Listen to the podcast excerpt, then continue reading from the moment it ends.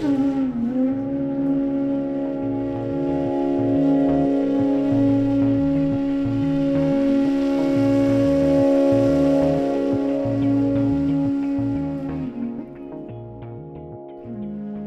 bir iş görmək istəyəndə həyəcan basır məni. Çox istəyirəm davamlı bir sessiyanızı götürüm. Böyük birinci böyük fikirləşirəm, sonra işin ortasında həyəcan basır. Gərək stabil, sakit həyat yaşayımmı?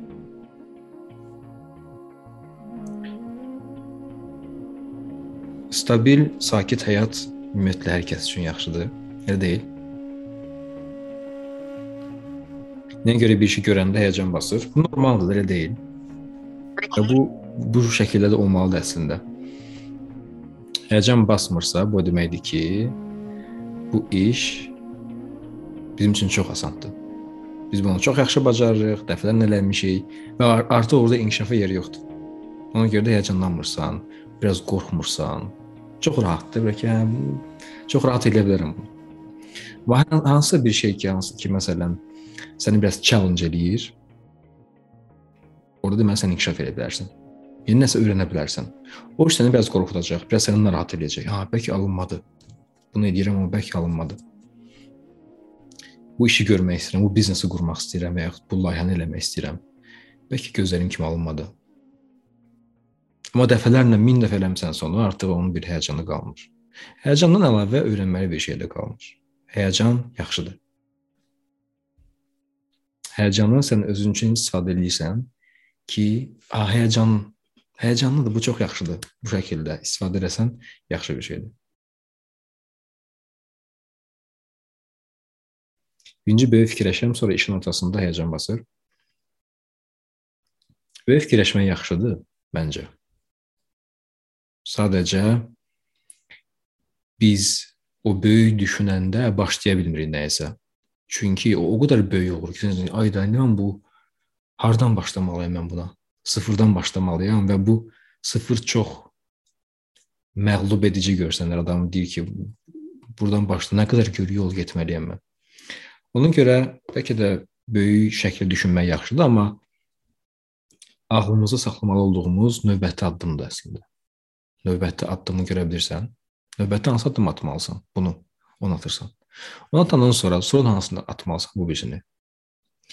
Mənim dostum var idi, o səyahətə çıxmaq istəyirdi, amma ağlı çox qarışıq idi. Oturub fikirləşə bilmirdi ki, hara getmək istəyir, hansı ölkəyə. Nə bilim, hər şeyi ara, o, o, təşkil eləmək onun üçün çox qəliz məsələ idi. Biz onunla oturduq, onları yazdıq bir-bir ki, sənin məqsədin nədir? O məqsədə çatmaq üçün hansı addımlar atmaq lazımdır? Və o addımları, balaca addımları bir-bir yazdıq onunla. Hamısını bir-bir yazdıq. Və ona dedim ki, sən minlərlə addım düşünməlisən. Sən növbəti addımı düşünməlisən sadəcə olaraq. Məsələ bu qədər asandır.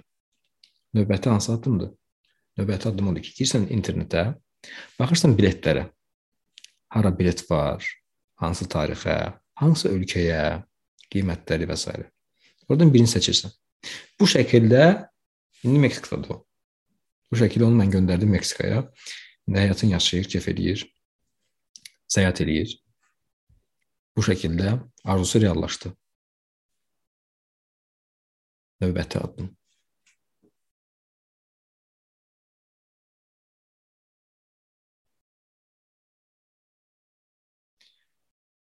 Fərzcan, nə yaxşıyam, nə pis, bu hal nədən irəli gəlir? Onunla bağlı bir sual da var. İkisini bir yerdə cəmləyib danışarıq haqda. Panik ataka trigger kimi olur. Nəfəs məşqləri ilə saxlayıram vəziyyəti. Biz səninlə sessiya eləmişdik, elə deyil? O nəfəs idmanı çox yaxşıdır.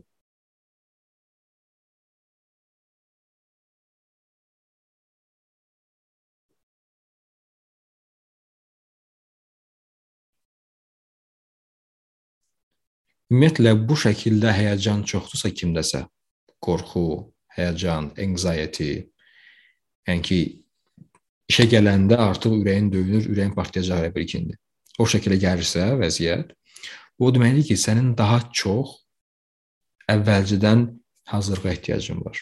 Meditasiya ilə, nəfəs idmanı ilə, Yəni ki, bu meditasiya odur ki, sən sən mənəvi gücün artmağa başlayır.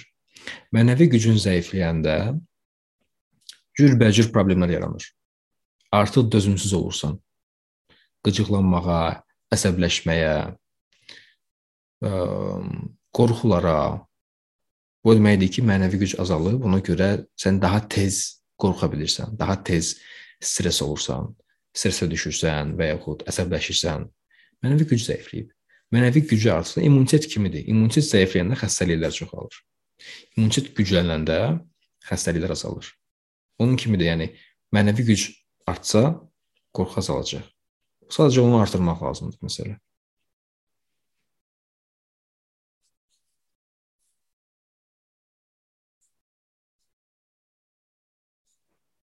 Səs hissəsini necə açım? Leylaya yardım edə bilərsiniz. Deyəsən sol tərəfə swipe eləmək lazımdır. Orada açılır. Amma eşitmir yəqin ki bizi.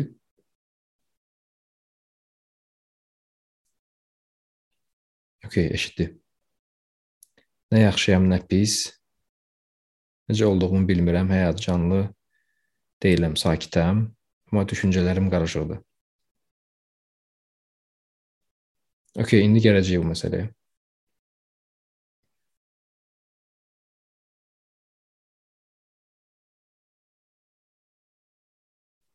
Sakit olmaq yaxşıdır. Sakit olmaq yaxşıdır. Fikirlər qarışıqdır. Fikirlər həmişə qarışıqdır. Fikirlər qarışıqdır əslində. Sən qarışıq deyilsən. Sən fikirlərə baxansan. Məsələn, bax bu çox önəmli bunu başa düşmək ki, mən fikirləşən ağıl deyiləm. Oradakı oradakı panika deyiləm, oradakı qorxular mən deyiləm. Mən bunların hamısının fərqinə varanam. Mən bunların hamısını eşidənəm, görənəm. Və sən bir dağ kimi olmalısan orada. Ürəksiz, soyuq bir dağ olmalısan. Qaya parçası olmalısan. Harda ki, sən bütün bunlara baxırsan, yəni bu panikalar balaca şeylər kimidir, balaca personajlar kimidir sənin içində, gəzirlər. Danışırlar və sən ona baxan kimi, o da sənə baxır. Gəl yapışır səndən. Sən də onun kimi başlayırsan hərəkət etməyə. Başlayırsan panika yaratmağa, başlayırsan qorxmağa, başlayırsan qarışıq, ay mən çox qarışığam, ürəyim partiyayı seçə bilmirəm. Dəli olursan. Dəli əslində odur. Sən deyilsən, ona baxansan, amma ona, o sənə yapışanda dəli olursan sən. O belə işləyir. Və sən görəndə ki, bu dəlilər gəzir bədənində, hərəsi bir şey deyir, bir şey hiss eləyir. Sən onlara qarşı belə dağ kimi olsan, ki, baxıram amma ürəyim yoxdur, yəni ürəksizəm. Onlara qarşı ürəksiz. Ətrafdakılara qarşı yox. Onlara qarşı ürəksizəm. O bəyan o mənada ki, artıq ciddi almıram. Vecimə deyil ki, də nəsə deyir burada, nəsə hiss edir burada. Bu şəkildə sən baxsan, bu deməkdir ki, artıq onların sənin üzərində bir gücə sahib olmayacaq. Sən sakitliyində qala bilirsən. Və o da çox davam edə bilmir o şəkildə ağıl. Bu bir yoldur. İkinci yol isə əgər nəsə səni narahat edirsə ağlında bir məsələ var, hansı ki, səni deşirdi ağlı. Bu sən onu düşünməlisən. Otur, onu yaz. Otur, onu yaz. Nədir bu? Çıxış yolu nədir? Həll yolu nədir? Yəni onu ağlında elə elə ki, düşüncənlə onu həll eləyəsən, həll, həll eləməli bir şeydirsə, yəni qarışıq bir şey deyilsə, bir məsələ var ki, o mənim ağlımı yer. Otursan onu yazırsan, həll edirsən, kağızda görəsən ki, hə, bunun həll yolu budur. Vəssalam. Onda o, o da ağlı sakitləşdirəcək, sən daha rahat olacaqsan. Biləndə ki, sən nə edirsən, o məsələ ilə bağlı biləndə ki, nə edirsən, bu səni rahatlıq gətirir. Bilməyəndə sən dəli olursan, çünki sənin üçün çox vacibdir o. Ona görə. Yəni vaciblik hər şeyi təyin edir əslində.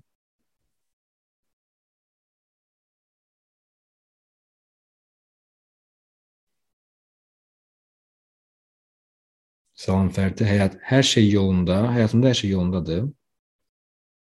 Heç bir problemim yoxdur, amma özümü üstü buz bağlamış göl kimi hiss edirəm. Sanki həyata qarşı donmuşam. İçəridə isə gölün normal suyunun olduğunu bilirəm. Amma onu hiss eləyə bilmirəm. Bütünlüklə üzərimdə buzlara görə. Bu buzlar 23 il ərzində necə yaranıb falan filan beynimlə fərqindəyəm, amma daxilən fərqində ola bilmirəm ki, onları ərdə bilim. Beynin funksiyası bu deyil. Anda qal deyəcəksən, amma bu belə məni dondurur. Nə edə bilərəm ki, həyata donuq olmadan yaşaya bilim. Donmuşam, yaşaya bilmirəm. Necə edim ki, dolum açılsın. Bahar gəlsin, çiçəklənsin, buzlar ərisin. Bahar gəlir əslində.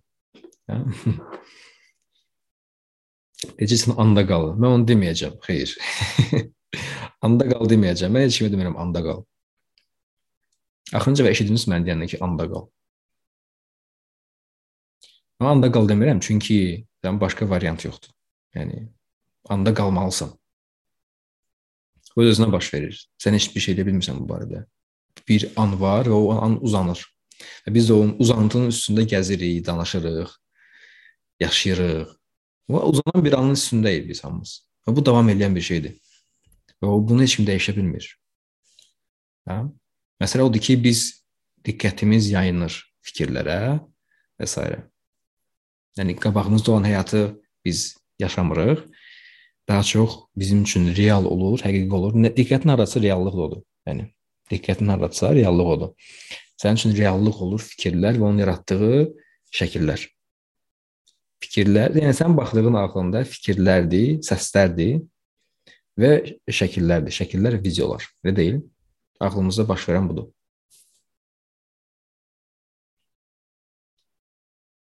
O buzu əritmək üçün isə sən indi məsələn mən deyək ki, ürəyim buz bağlayıb. Həyatı hiss eləmirəm. Bu bu deməkdir. Həyatım hissiyatsızdır. Heç bir şeyin sevincini hiss eləmirəm xoşbəxtliyini hiss eləmirəm. Günəş çıxır, mənim üçün bu heç bir şey dəyişmir ürəyimdə. Günəş batır, o gözəlliyi görmürəm. Mən istəyirəm ki, dənizə baxanda, dalğalara baxanda ürəyimdə sevinc yaransın. Baxım, hiss eləyim onu.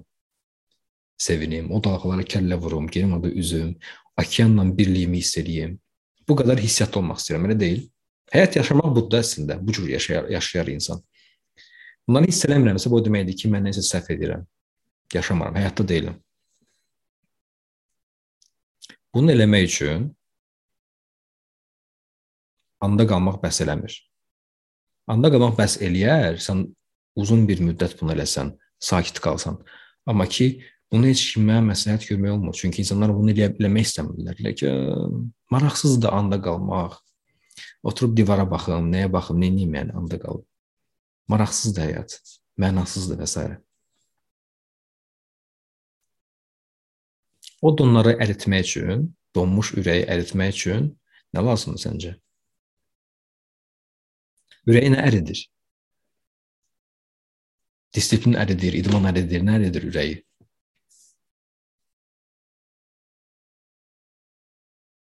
Ürəyi əridən sevgidir. Elə deyil? Sənin həyatında sevgi olsa, sənin donların əriyəcək, gül çiçək çıxacaq hər tərəfdən, Burada Mələk də yazdı. Ürəyi sevgəlidir. Bəli, sevgi. Kim sənə sevgi göstərsə, bu səni təsirləndirə bilər. Amma daha çox onun ürəyi əriyəcək o sevgidən. Çünki o sevgini olsa o göstərir, o yaşayır daha aktiv. Sənə təsir eləyəcək, sənə təsirlənəcəksən. Amma daha çox sevən sevən kimdirsə, sevgini kim yaşayırsa, onun ürəyi əriyir, onun ürəyi gözəlləşir, böyüyür, güclənir. Ürəyin qidası sevgidir. O qidanı verirsən, güclənməyə başlayır, yaşamağa başlayır. Onu kəsirsən, o başlayır zəifləməyə. Hissiyatını itirir. Sonra sən hər şeyi boz görürsən. Buz bağlamış gölün altında yaşayırsan.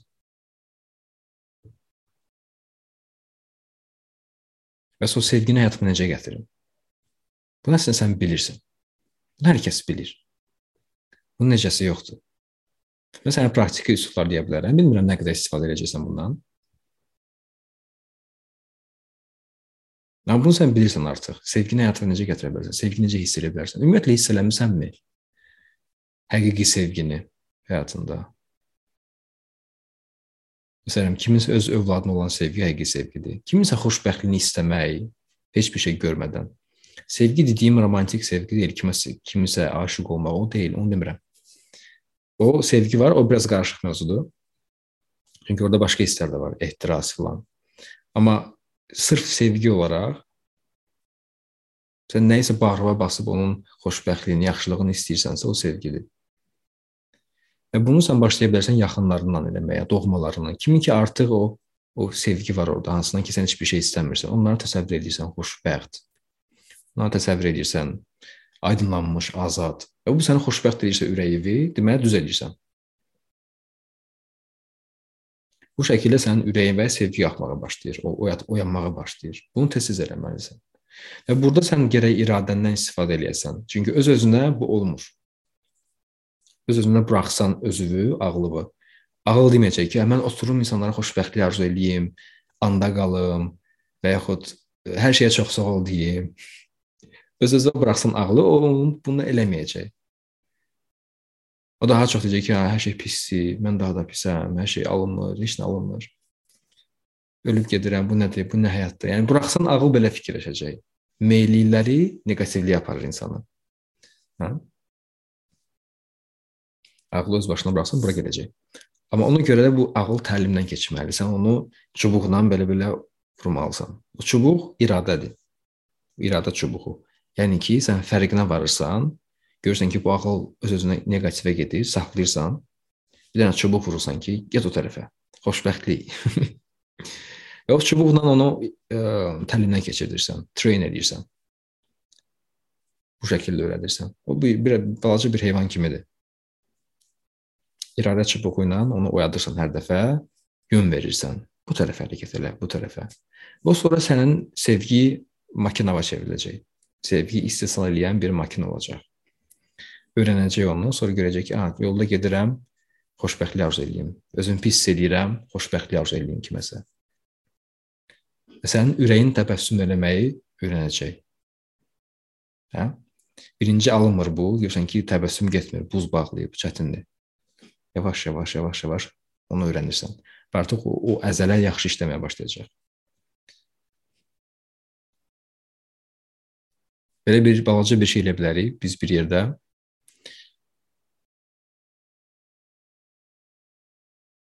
Sevgini gətirmək olmur ki, o öz-özünə gəlir və gedir. Xeyr, elə deyil, gətirirsən. Sevgini gətirmək lazımdır. O öz-özünə gəlməyəcək, yəni. Elə bir şey olmur. Sən oturub gözləsən, o gəlməyəcək. Heç bir şey gəlməyəcək öz-özünə. Pozitiv düşüncələr, fikirlər, şəhərdə yaşayırsınızsa və bu adamların, bu insanların içində yaşayırsınızsa, yəni çox gözləyəcəksiniz. Sadə bir şey elə bilərik bu barədə. Sırf bu ürəyi oyatmaq üçün, bu hissiyatı oyatmaq üçün. Bu nədən danışıram mən ümumiyyətlə? Qabağında bir şey seç. Hər hansı bir bir obyekt seç, bir əşya seç, hansı ki biraz daha xoşuna gəlir sənin.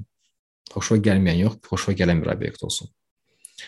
Qabağında, masanda, hardasa gül ola bilər, su ola bilər, nə bilim, kitab ola bilər. Nədirsə sənin xoşuna gələn bir şeydir. Və ona bax indi. Və ona baxaraq onda nə xoşuna gəlirsə ona bax. Onu nəzərə al. Nə xoşuna gəlir o həmin o obyekti, o nəzərə al. Ona baxmağa davam elə. Və həmin o xoşuna gələn o cəhəti ona sevgi ilə bax. Ona sanki toxunmağa başla. Əlinlə yox, amma görünməz bir əllə toxunsan sanki. Sanki həmin o obyekti hiss edirsən. Elə bil ki, ona qayğıla toxunursan sanki, baxışlarınla. Bu şəkildə həmin o obyekti hiss elə. Sanki toxunuşlarınla deyirsən ki, çox sağ ol. Çox sağ ol ki, burdasan, mənimləsən, fayda verirsən mənə və yaxud ümumiyyətlə burdasan, varsan.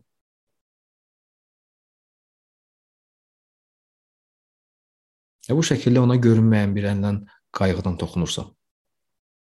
Sevgi ilə toxunursan. Əzizləyirsən.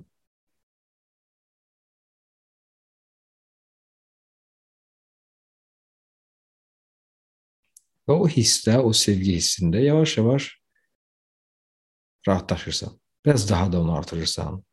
O əzizləməyi, qayğını. Çox zərif bir prosesdir. Sən də zərifləşirsən bunu elədikcə. Və elədikcə hiss edirsən ki, sənin içində bir şey oyanmağa başlayır. Əvvəl sanki istifadə eləmədiyin bir tərəfin daha da aktivləşir. İn, incə bir şey yaranır orada.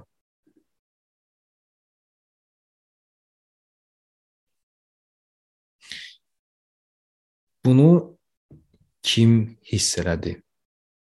Bunu burada 23 nəfərik. 24 nəfər. Bunu indi kim elədi? Kim hiss elədi? Kimdə alındı? Yazın burada. Kimdə alınmadı, onlar da yazsın. Kim başa düşmədi, nə, nə, nə söhbət? Yəni necə? Kimdə bunu hiss eləmək alındı?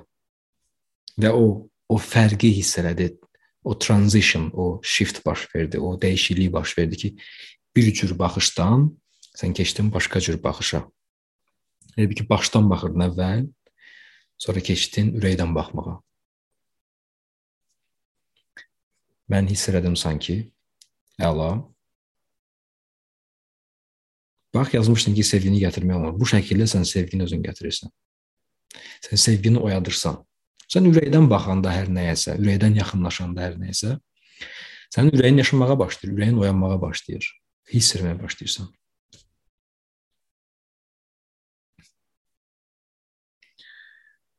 Baxdım, hər yer qalp-qalp oldu. Məndə alındı kimi sevgidir mehrab uca göylərin. Bəxtiyar şeir lazım deyil. Xahiş edirəm suala cavab verin. Deyirsən, yəni hər şeyə sevgi ilə bax. Hər şeyə baxa bilməyəcəksən, amma gündə bir neçə şeyə heç olmasa baxa bilərsən. Yəni ona baxanda sən həqiqi sən olursan. Sən həqiqi sən olursan. Sən aydınlanmış olursan o anda. Sən müqəddəs bir insan olursan. O baxış odur. İsa Məsih elə baxırdı. Peyğəmbərlər elə baxırdı. Budda elə baxırdı. Mən sənə Buddanın baxışını göstərdim indi. Sən xəbərin olmadı. Sən ondan birazını hiss elədin, biraz. Və o davamlı olsa, sən olsan Budda. Davamlı olsa, sən olursan İsa Məsih. O baxış, məsələ ondadır. Sən onu onu o şəkildə baxmağı öyrənsən, davamlı baxa bilsən, sənin buz bağlamaq problemin olmayacaq. Nə yaxşı, nə pis olmaq problemi olmayacaq. Yaxşı olacaqsan. Bu olmayanda nə yaxşısan, nə pis və o şəkildə davam eləsən, sonra pis olursan.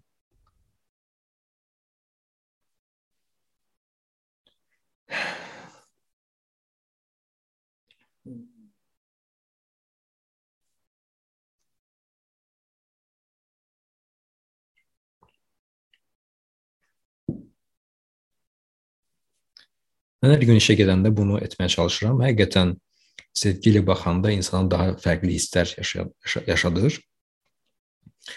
Ağacdakı bir çiçək belə istis insana huzur verir. İndi belə etdikdə alınır, amma xaotik bir dünyada bunu daimi saxlamaq çox çətin bir işdir. Bu iki ayrı adamın yazdığı şeydir. Nərgiz də alınır. Əla. Bax Bəxtiyar Nərgiz yuxarıda yazıb ki, mən hər gün işə gedəndə bunu etməyə çalışıram. Həqiqətən sevgi ilə baxanda insan insana daha fərqli hisslər yaşadır. Yəni adam işə gedir hər gün və bunu yolda eləyir. Deməli mümkündür də.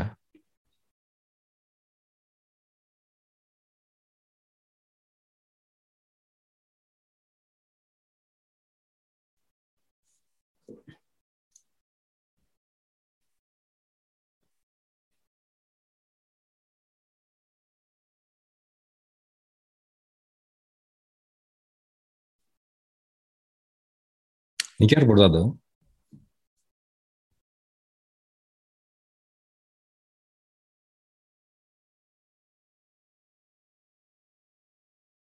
Yoxdur. Onun sualına cavab verməyəcək o zaman.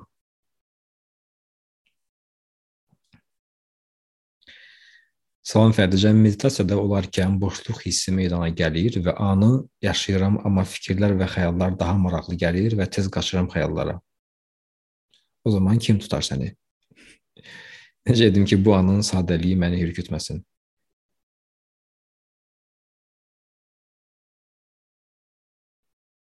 Anın sadəliyi səni ürkütmür əslində.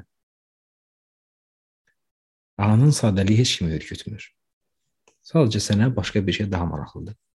Əgər sənə bir şey daha maraqlıdırsa, kim səni tuta bilər? Kim səni saxlaya bilər? Maraqlı deyil də sənə bu bu anın sadəliyi. maraqlı deyil də sadəcə olaraq, yəni kim dinləyə bilər? Xəyal daha maraqlıdır, xəyal qur. Roman yaz, ssenari yaz, nə bilim, film çək. Məsələn, animasiya çək, nə bilim, rəsm çək. Xəyalların da öz yaxşı cəhətləri var. Elə deyil? Yaradılış da bir Yəni incəsənətdir, yaradılışdır. Bunlar hamısı xəyaldır. Biz də bir xəyalıq. Biz də nəyinsə başqa bir böyük bir şeyin xəyallarıyıq. Yəni ideyalarıyıq, düşüncəsiyik. Bu dünyada odur. Yəni sən elə düşünürsən ki, sən varsan, sən ayrıca bir insan ətdən, sümükdən, nə bilim, bir insansan, əslində xəyalsan. Kiminsə ideyasısan, fikirlərisən, təxəyyülüsən. Sən də başqa ideyalar qurursan. Onların dadını çıxara bilərsən. Yox əgər sən bu anın sadəliyini yaşamaq istəyirsənsə daha çox, bunu özünə deyə bilərsən. Fikirlər gələndə ki, mən indi anı yaşamaq istəyirəm, bu fikirləri sonra fikirləşəcəm. Bu şəkildə söyləyə bilərsən. Fərican, bəs xəyallara çox qapılmaq pisdir. Gələcəyə aid xəyallar qurub gözündə canlandırmaq və bunu həqiqətən oradaymış kimi hiss edirəm. Bu anı yaşayırmış kimi. Yox, pis deyil. Niyə pis olsun ki? Əgər səni bu yaxşı hiss elətdirirsə, sən o həyatda doğru hərəkət edirsənsə, bu yaxşı bir şeydir.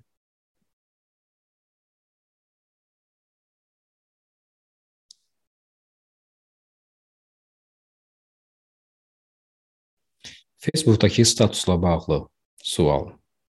Nisbətən normal vaxtdakı depressiya elə bir vəziyyətdir ki, həmin zaman meditasiya etməyə belə enerji olmur.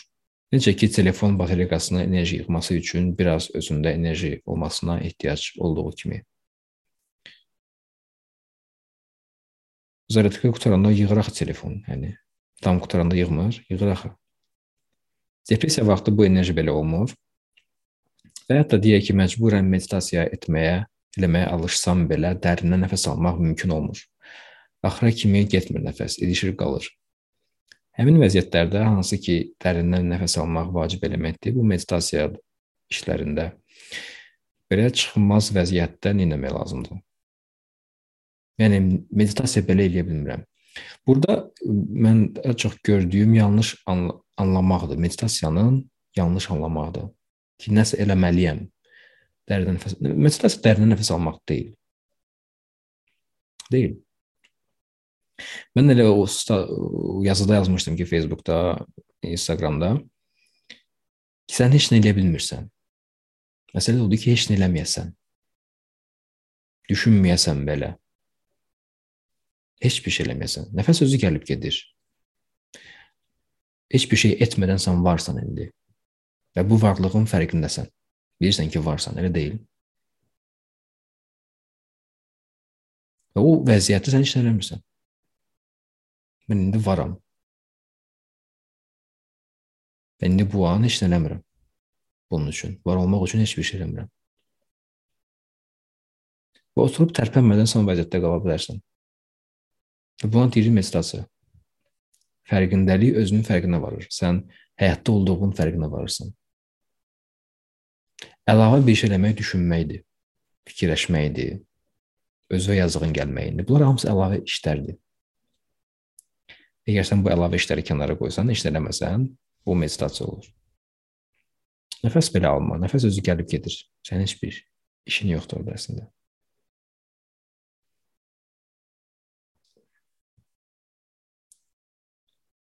Hər zaman əhvalımızı necə yüksək tuta bilərik. Hətta bizə olduğumuz yeri nifrət etdirsələr belə. Əhvalı yüksək tutmaq. Əhvalı yüksək tutmaq seçimdir. Sən seçirsən bunu. Sonra sənin beynin bundan öyrənməyə başlayır. Ki, okey, belə belə hiss eləmək lazımdır. Və baxıram öyrətdiyim üsuldan istifadə edirsən, o, o baxışdan, o sevgidən. Yəni özündə olsan, ürəyində olsan, oradan baxsan həyata, dünyaya. Özünü çox zərif və gözəl hiss edirsən. Canlı hiss edirsən. Oradan baxmayanda artıq itirirsən də, ürəyi itirirsən. Ürəyini itirən insan necə əhvalı yaxşı, yaxşı ola bilər? Ürəyimi itirmişəmsə, əhvalım necə yüksələ bilərəm? Süni şəkildə yüksələ bilərəm. Kofe içmək kimi enerji qazanırsan. Onun kimi bir şey. Onun yollarını mən bilmirəm. Çünki özüm istifadə eləmirəm. Necə toparlana bilərik? Neçə toparlana bilərik? Neçəyə toparlana bilərik? Məndə bu sual. Neçə yəqin ki, necə olmalıdır? Bu c ə, hərfinin də Azərbaycan dilində talihsiz bir hərfdir. Heç kim düz istifadə eləmir. ya ç olur, ya c olur. C olmur o. Necə?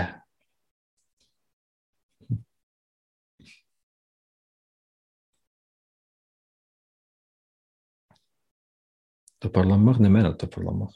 Sualın niyəsi buradadırsa, bizi biraz aydınlatsın, izah eləsin sualı. Toparlanmaq. Nə demək istəyir?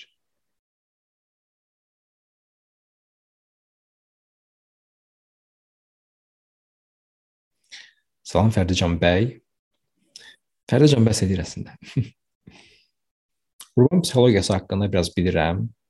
Çünki özümdə özüm də orada idim. Ancaq hər gün daha çox yaxşılaşıram. Sadəcə sualım belədir. Ailəmdən biri o psixologiyadadır və digər ailə üzvlərin günahkar görür yox yerdən. Mən hərdən günahkar hiss edirəm, sonra keçib gedir. Onu başa düşürəm, ancaq necə kömək eləyəcəyimi bilmirəm. Bir Tio versəniz, yağbal olar bəlkə də. Dankeschön, vielleicht bis später. Alman dilini öyrənirsən. Çox gözəl. Ailəmdən kimsə qurban psixologiyasında hər dəfə məni günahlandırır. Məni və yaxud başqalarını. Bu barədə mən nə edə bilərəm?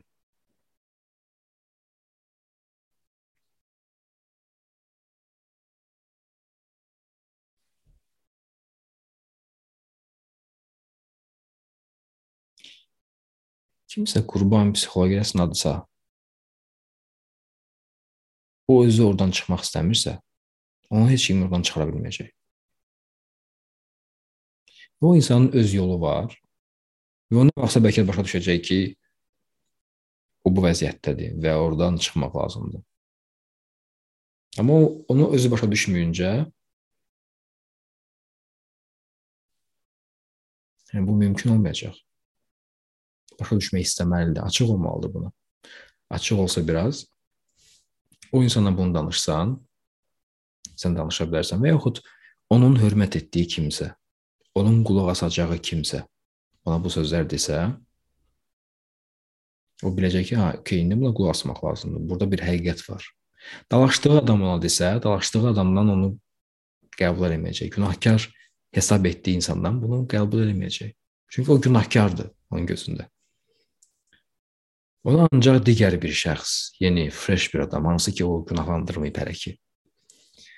O nəsə deyə bilər. Deyə bilər ki, bax bu problem səndədir əslində. Problem bu cür düşüncədədir. O kömək edə bilər. Yəni başqa bir adamın köməyi lazımdır. Bu bir psixoloq ola bilər, məsələn, terapevt ola bilər,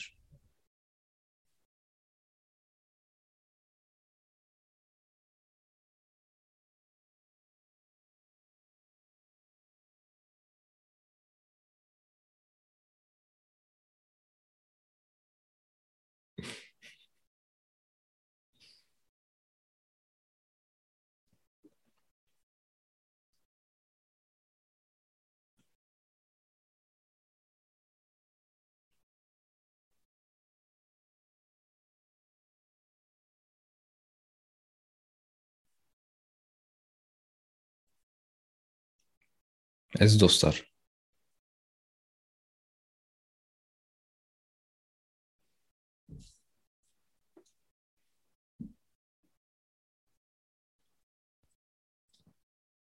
Siz burada nə yazmısınız?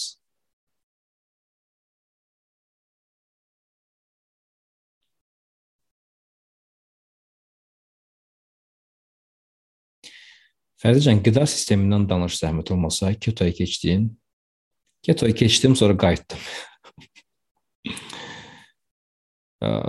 ketoda ketoda düzü sağlam qida yağlar falan var, amma əslində yediyim təxminən ketoya yaxın bir şeydir. Yəni mümkün qədər çörəkdən istifadə etmirəm. Un məlumatlarından çox istifadə etmirəm. Bəzi şeylər var ki, yeyirəm, məsələn, səhər. Məsələn, oats, oats nədir Azərbaycan dilində? Faydalı bir şeydir. Onu qarışdırıram, qoz fındıq, bitki, bitki südü və s. belə şeylərdən. Yulaf, yulaf südü, yulafın özü. Məsələn, bu tam keto sayılmır. Amma ki, onu məsələn səhər yeyə bilirəm. Çox sadə, mümkün qədər sadə qidalanıram. Əvvəllər ağaclara baxanda hiss edə bilmirdim sanki. Hiss edə bilmirdim, lakin əvəzdə yoxladıqdan sonra həmən anları xatırlayaraq o hissi yenidən tam da olmasa yarada bilirəm. Hə, əvvəl xatirə ilə yarada bilərsən, yada salaraq, amma daha çox hiss elədikcə daha da güclənir. Əzələ kimidir, istifadə elədikcə böyüyür.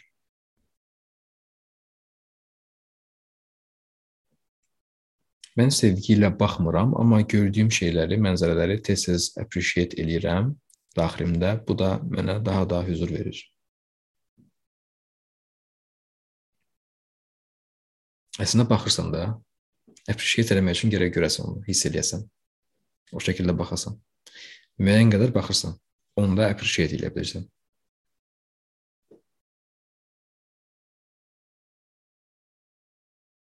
Fərdisən, kofe içmirsən. Kofe mənim sevdiyim bir şey deyil. Kimsə mənə kofe alsa, yox demirəm. Oturub ondan kofe içərəm, söhbət edərəm. Amma ki, gedib özüm belə pulumu alın, kofe verin, onu eləmirəm.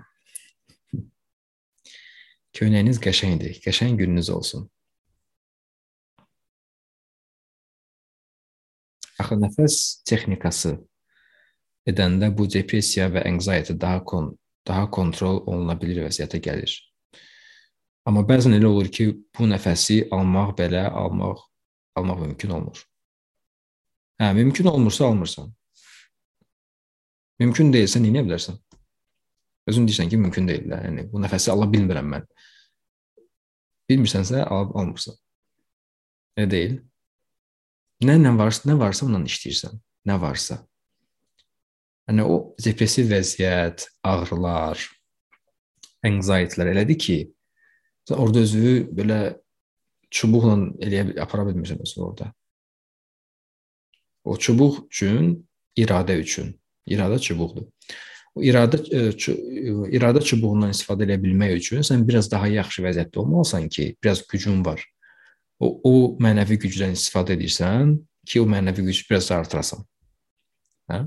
Biraz pulun var, biraz yatırım edirsən oyuna, biraz daha çox pul qazanırsan. Belə bir şeydir. Sən mənim pulum yoxdur, bankrotam. Bankrotansa mən sənə necə deyim ki, yatırım elə. Nəfəsə belə yatırım edə bilmirsən. O demək ki, heç nəyin yoxdur sənin. Heç nəsiz oturursan elə. Və bunu heç kim eləmək istəmir ki, yox, istəmirəm, nəsə, nəsə eləyim. Heç nəsiz oturmaq. Heç nəsiz otura bilmək. Nəfəs özü gəlir gedir, və sən öz-özünə həyatdasan. Bunun fərqinə vara bilsən an be an. Heç nə eləmədən enerji yığmağa başlayırsan. Qurban vəziyyətində istənilən yerə getsə də ölkə ölkəni də dəyişsə, yenə eyni eyni halı yenə də özü ilə daşıyacaq. İnsan özü dəyişmədən ətraf dəyişə bilərmi? İnsan özü dəyişmədən ətraf dəyişə bilərmi? Dəyişə niyə dəyişmir? Mən dəyişmirəm məsələn, hə? Mən dəyişmirəm. Əslində mən dəyişirəm, amma dəyişir. Sadəcə o dəyişikliklər bəzən çox balaca olur, görmürsən. Deyək ki, mən yəni çox az, az dəyişirəm, dəyişmirəm. Mənim ətrafım dəyişə bilər. Çünki onların da öz həyatı var da. Elə deyil. Gəldilər bütün evləri sökdülər, başqa bir şey tikdilər. Ətrafım dəyişdi. İnsanlar nə bilim, aydınlandı ətrafındakı insanlar, getdilər harasa, yox oldular, dəyişdi.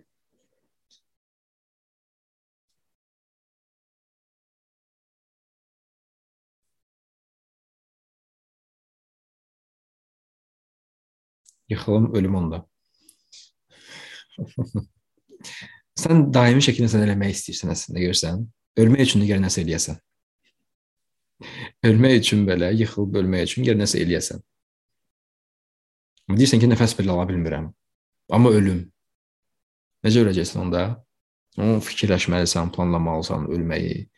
Necəsə öldürməlisən özünü və s. İş deməli başda o. Elə belə asan deyil ölmək. Mən dediyim çox yaxşıdır. Mən dediyim çox the best deal, yəni ən yaxşı deal odur. Yəni ki, sən harda hardakı iş eləmirsən. Heç nə eləməli deyilsən. Sadəcə o sıbağa ki girir içinə belə qınına çəkilir, içəri girir. Sən də onun kimi içəri girməlisən belə. Otur belə bir dənə ədyal at üstünə. Otur belə divanda bir təbiət səsləri qoy, otur onlara qulaq as. Okean səsi qoy, otur onlara qulaq as. Yağış səsi qoy, otur qulaq as. Nə xoş gəlirsə sənə. Yəni bir neçə dəqiqə yox ol da. Sadəcə olaraq şuur qalsın. Eşitsin, nədənsə zövq alsın orada. Bir balaca bir şey elə, yaxşılıq elə özün üçün.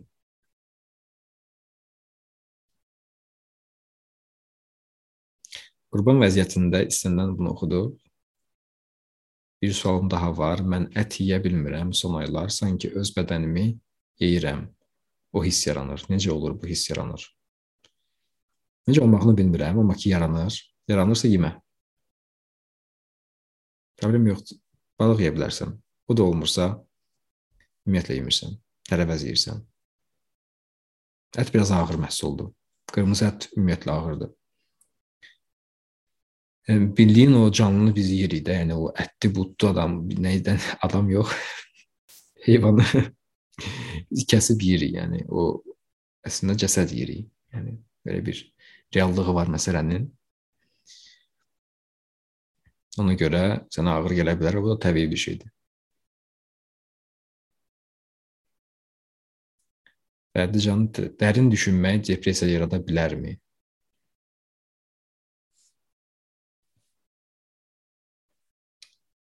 Baxır kim üçün? Baxır hansı cür düşünürsən? araşdıran bir ağıl üçün bu problem deyil. Mənim bir dostum var idi, o Berlində oxuyurdu. Bu arada bir gəlirdi, qalırdı mənim yanımda və 2-3 gün gəlirdi, dərslərinə gedirdi, gəlirdi, bizə qalırdı. Və biz onunla belə söhbət edirdik. Gecələri belə oturduq, danışırdıq saatlarla. O psixologiya oxuyurdu. Mən də o vaxtı belə oxuyurdum, araşdırırdım o mövzuları. Ümumiyyətlə bu biz psixologiyadan danışmırıq, daha çox fəlsəfi, həyatın fəlsəfi tərəfindən danışırdıq. Ki o elədi, görsən bu belədir. Necə olur bu? Və bu, nə mənaya gəlir? Belə dolaşıq fikirlər. Onlar danışdıqca belə açılırdı o düyünlər sanki. Məsələn, mən orada o şəkildə heç bir fikirdən qorxmurdum ki, ayda bu məni depressiya salar. Bir düşüncə gərək qorxmasan düşünməkdən. Onu yaxşıca düşünəsən sağından soluna. Çünki düşüncə sənə heç bir şey edə bilmir əslində. Səni həqiqətən səni nə öldürə bilər? Sənə əslində nə zərər verə bilər? Sən onunla heç nə edə heç nə eləməsən, yəni toxunmasan, maraqlı olmasan, özün güləşdirməsən heç bir ideyanı fikri, o sənə heç nə edə bilmir. Sadəcə olaraq bir səsdir. Boş bir səsdir. Danışır, vuru, getdi. Vuru, vuru, getdi. Bu şəkillər əslində bütün fikirlər. Ona görə onları mən düşünmək xoşuma gəlirdi. Müxtəlif fikirlər, belə ideyalar yaradır, yaranır, yox olur və s. Araşdıran ağıl üçün bunun problemi yoxdur. Qorxan ağıl üçün bunun problemi ola bilər. Müəyyən fikirlərdən sən qorxursan. danışırsan adama deyir ki, çox dərin getməyək, yəni toxunma oralara. Çünki ağıl hələ yetişməyib, o düşüncələri saxlaya bilməyəcək, o düşüncələrə tab gətirə bilmir. Bir fikir deyirsən şeylə bağlı, məsələn, sən deyək ki, hər şey artıq hazırdır sənin həyatında. Mən sənin həyatında artıq görürəm hər şeyi. Nə necəsən bilirəm. Bu səni depressiya salırsa, bu deməkdir ki, sən hələ buna hazır deyilsən. Elə deyil ki, ayda əvvəlcədən bilinirsə onun nə mənası var yaşamağın və s. Yəni ağıl fikirdən başlayır artıq sonra ə, öz-özünü yeməyə başlayır. Qorxmayan ağıl üçün problem yoxdur.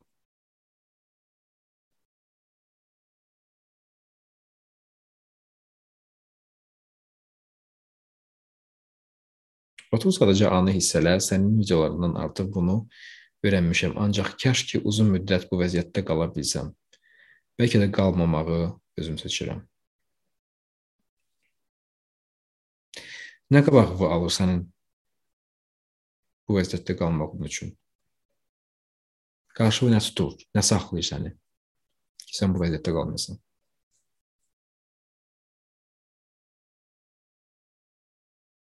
Nədir o? Elə bir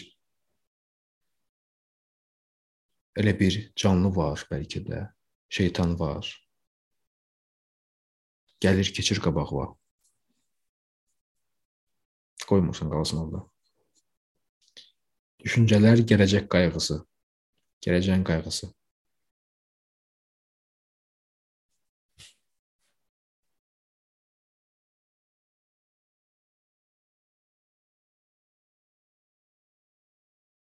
Okay, gəl belə eləyək də.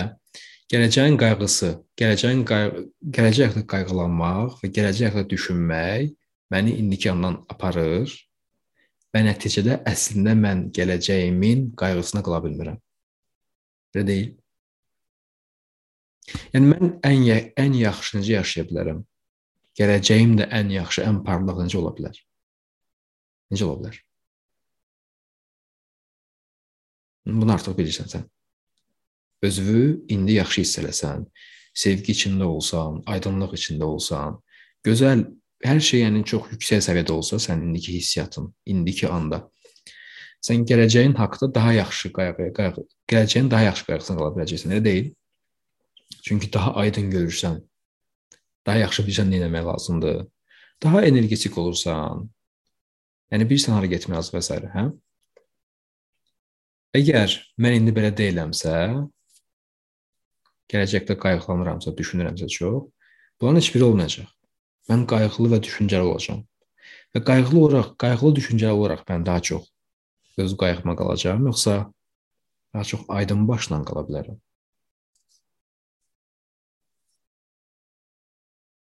Ya buna indi qərar verək də hansı hansıdır? Yəni mənim gələcəyimin qayğısına ən yaxşı qalan mən hansıdır? Düşüncəli mən yoxsa düşün, düşüncəsiz mən. Aydın mən. Hansıdır?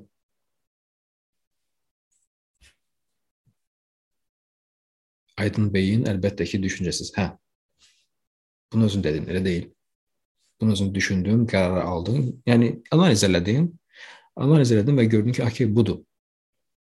Bu, bu, bu lazımdır mənə. Bundan sonra hər dəfə o qayğılar, düşüncələr gələndə denən ki, bu mənə xidmət eləmir. Bu yalançı düşüncədir. Bu yalançı qayğıdır. Bu mənim qayğıma qalmır. Bu mənim gələcəyimi əlindən alır əslində. Və mən bu düşüncəni saxlayaram. Mən bu düşüncəni düşünməyəcəm. Mən diqqətimi gətirirəm indiyə, varlıq hissinə, var olmağa, sevgi hissinə və burdan bax baxacağam gələcəyə. Burdan baxacağam həyata. Bu şəkildə sən öz beynini, öz ağlını train edirsən, təlimdən keçirdirsən, öyrədirsən ona. Sənin beynin bilmir bunu. Sənin beynin elə bil ki, düşünməlidir, qayğılanmalıdır. Hardan bilsin? Sən öyrətmisən də ona. Vərdişlə öyrətmisən, düşüncənlə öyrətmisən. O da elə bilir ki, hə, bu düz iş görürəm də, fikirləşmək lazımdır bütün gün. Və sənin öz beynin sənin öz özünə qarşı işləməyə başlayır. Sən onu dəyişdirirsən. İndi deyirsən ki, yox, yox, yox. Səhv eləmişəm. Bağışla. Belə yox. Bunu düşünmə. Və bunu düşün. Diqqət bura getməsin, bax bura getsin. Biraz işdir. Səndən biraz daha diqqət tələb eləyir. Ayıqlıq tələb eləyir. Ayıq olmalısan, görməlisən, dəyişməlisən.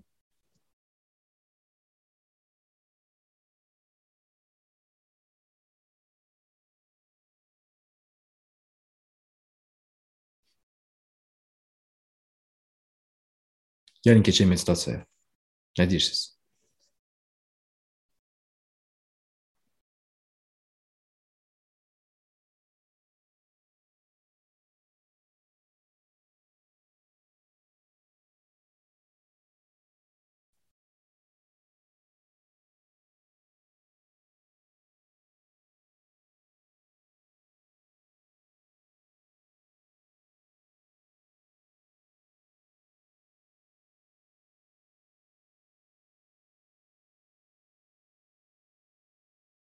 Gəlin indi rahat oturaq.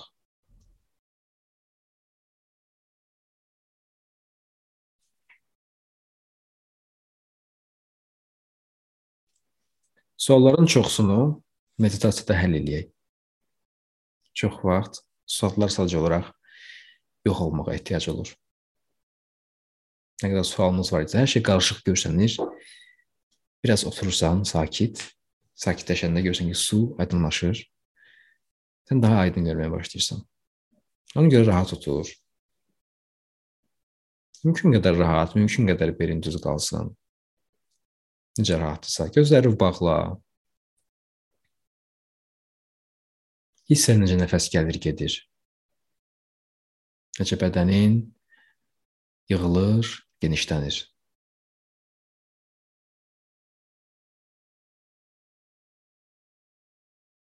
Nəfəsin gəlib getdiyini hiss elə. Sanki okeanın dalğaları kimidir. Okeanın nəfəsi onun dalğalarıdır. Hər dəfə nəfəs verəndə dalğalar sahilə çırpınır. Hər dəfə nəfəs alanda dalğalar okeana geri çəkilir.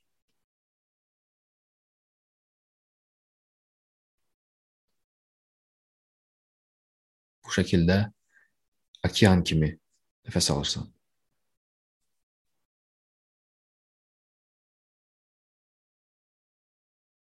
Sanki hər nəfəsin bir dalğadır.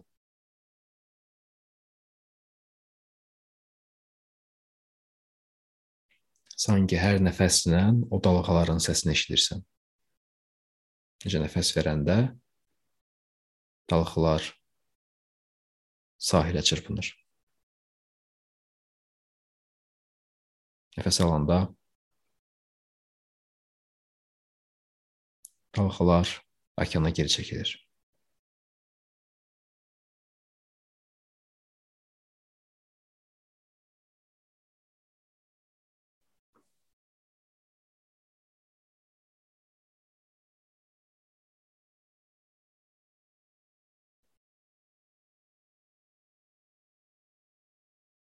Bütün bədənin tamamilə rahatlaşır.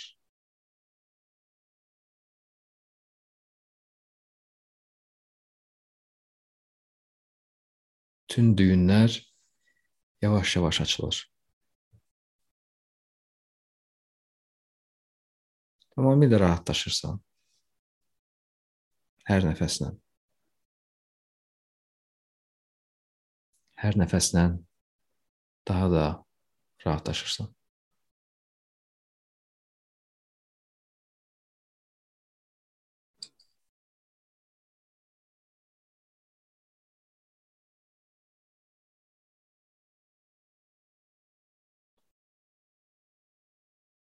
Təsəvvür et sanki dəniz kənarındasan.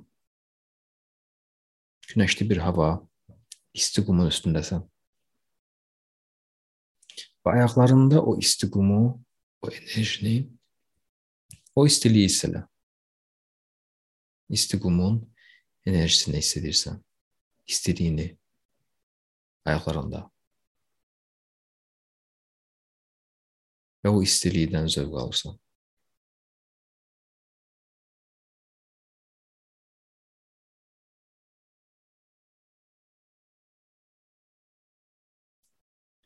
İsti qumun üstündə uzanırsan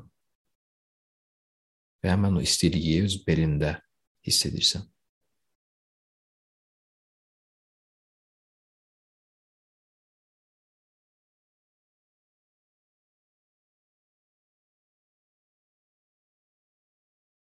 İsti qumun üstündə uzanmısan və onu öz belində hiss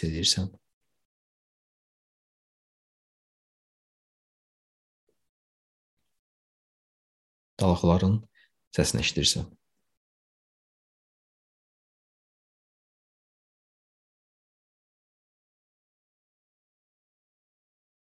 Heç bir işin yoxdur. Hər şey səndən uzaqlaşıb. Sən sadəcə sahildəsən. Edəcəyi heç bir şey yoxdur. Sən sadəcə sahildə, qumun üstündə uzanmısan.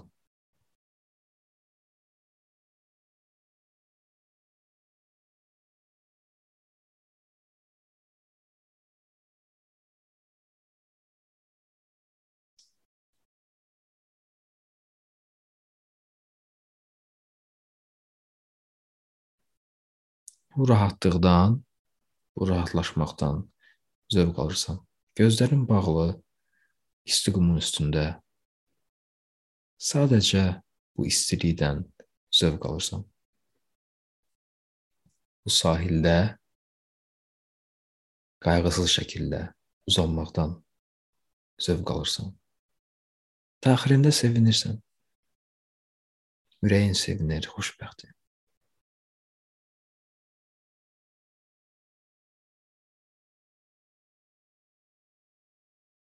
Səssizcə, sakitcə çox sağ ol deyirsən. Sadəcə orada uzandığın üçün. Sadəcə orada olduğun üçün.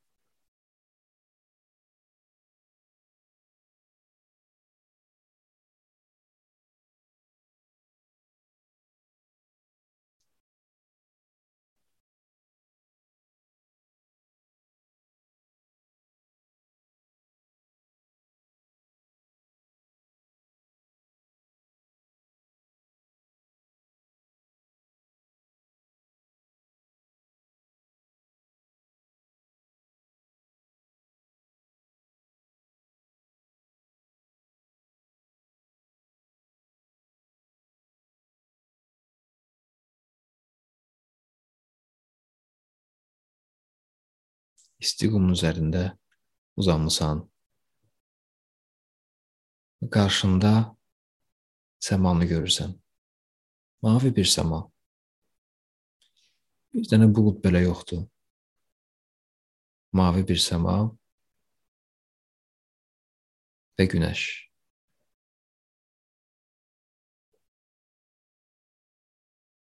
O qədər yüngülsən sanki yavaş-yavaş səmaya doğru uçursan.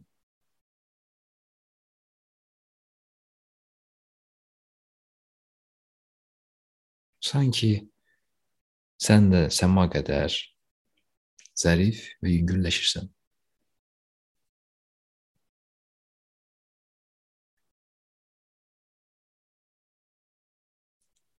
Sən ki o səma sənsən.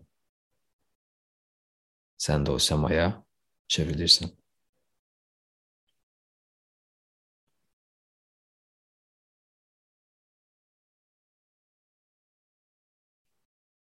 Həmişə aydın, həmişə mavi, həmişə buludsuz səma. Özündə hər şeyə ehtiva edən səmasan. Qayğısız, sakit, həyat dolu.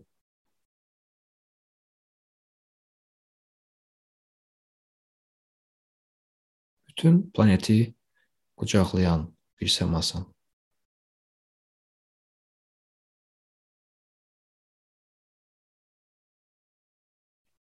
Özündə bütün canlıları ehtiva edirsən. Bütün canlıları qucaqlamısan. Belə bir səmasan.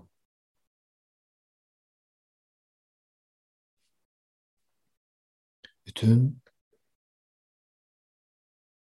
yer planetini qucaqlamısan.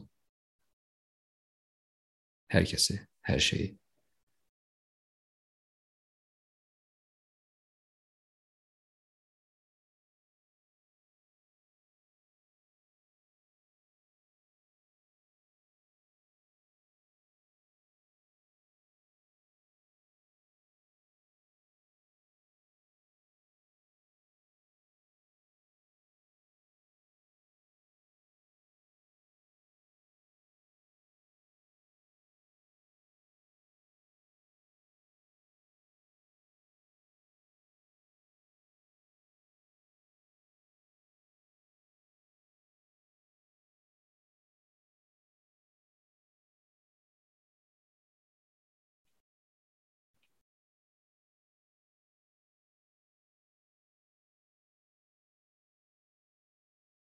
Bütün canlıları qucaqlamısan sevgi ilə.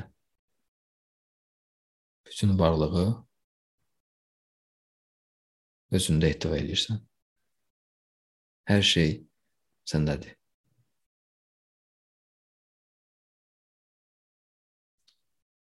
Və var olan hər bir şeyin xoşbəxtliyini istəyirsən. Var olan hər bir şeyə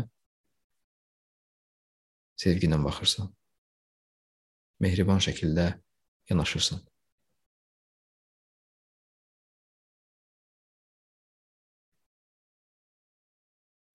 Var olan hər bir canlı sənindir, sanki.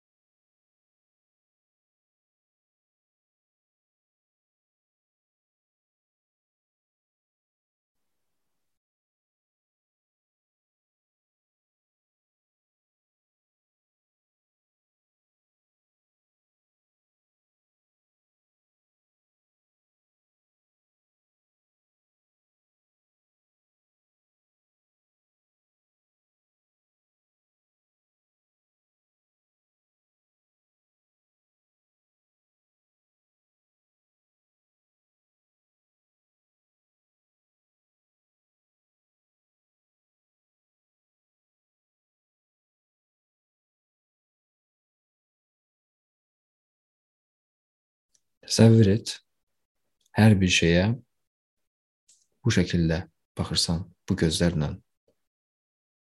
bu hisslə yanaşırsan.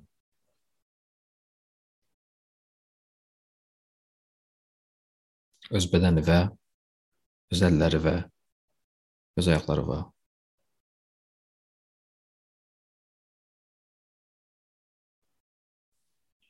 etrafında olan insanlara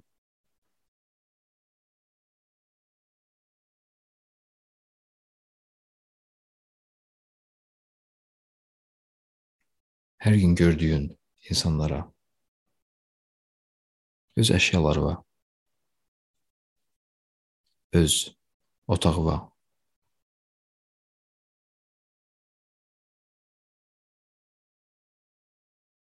Ətrafında olan hər bir şeyə bu gözlərlə baxırsan.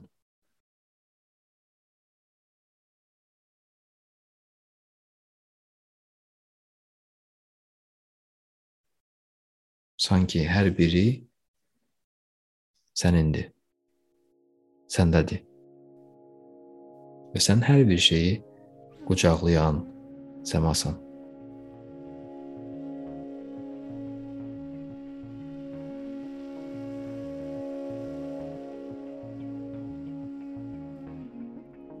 İndi yavaş-yavaş yavaş-yavaş gözləri aça bilərsən.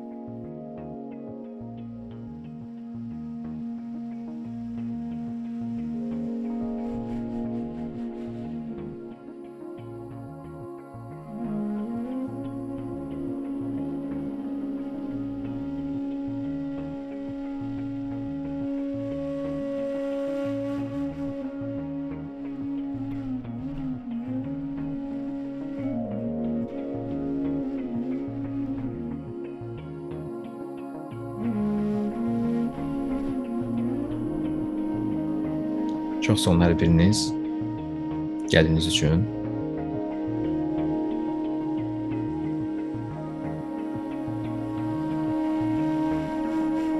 Növbəti görüşlərə dək. Hələlik.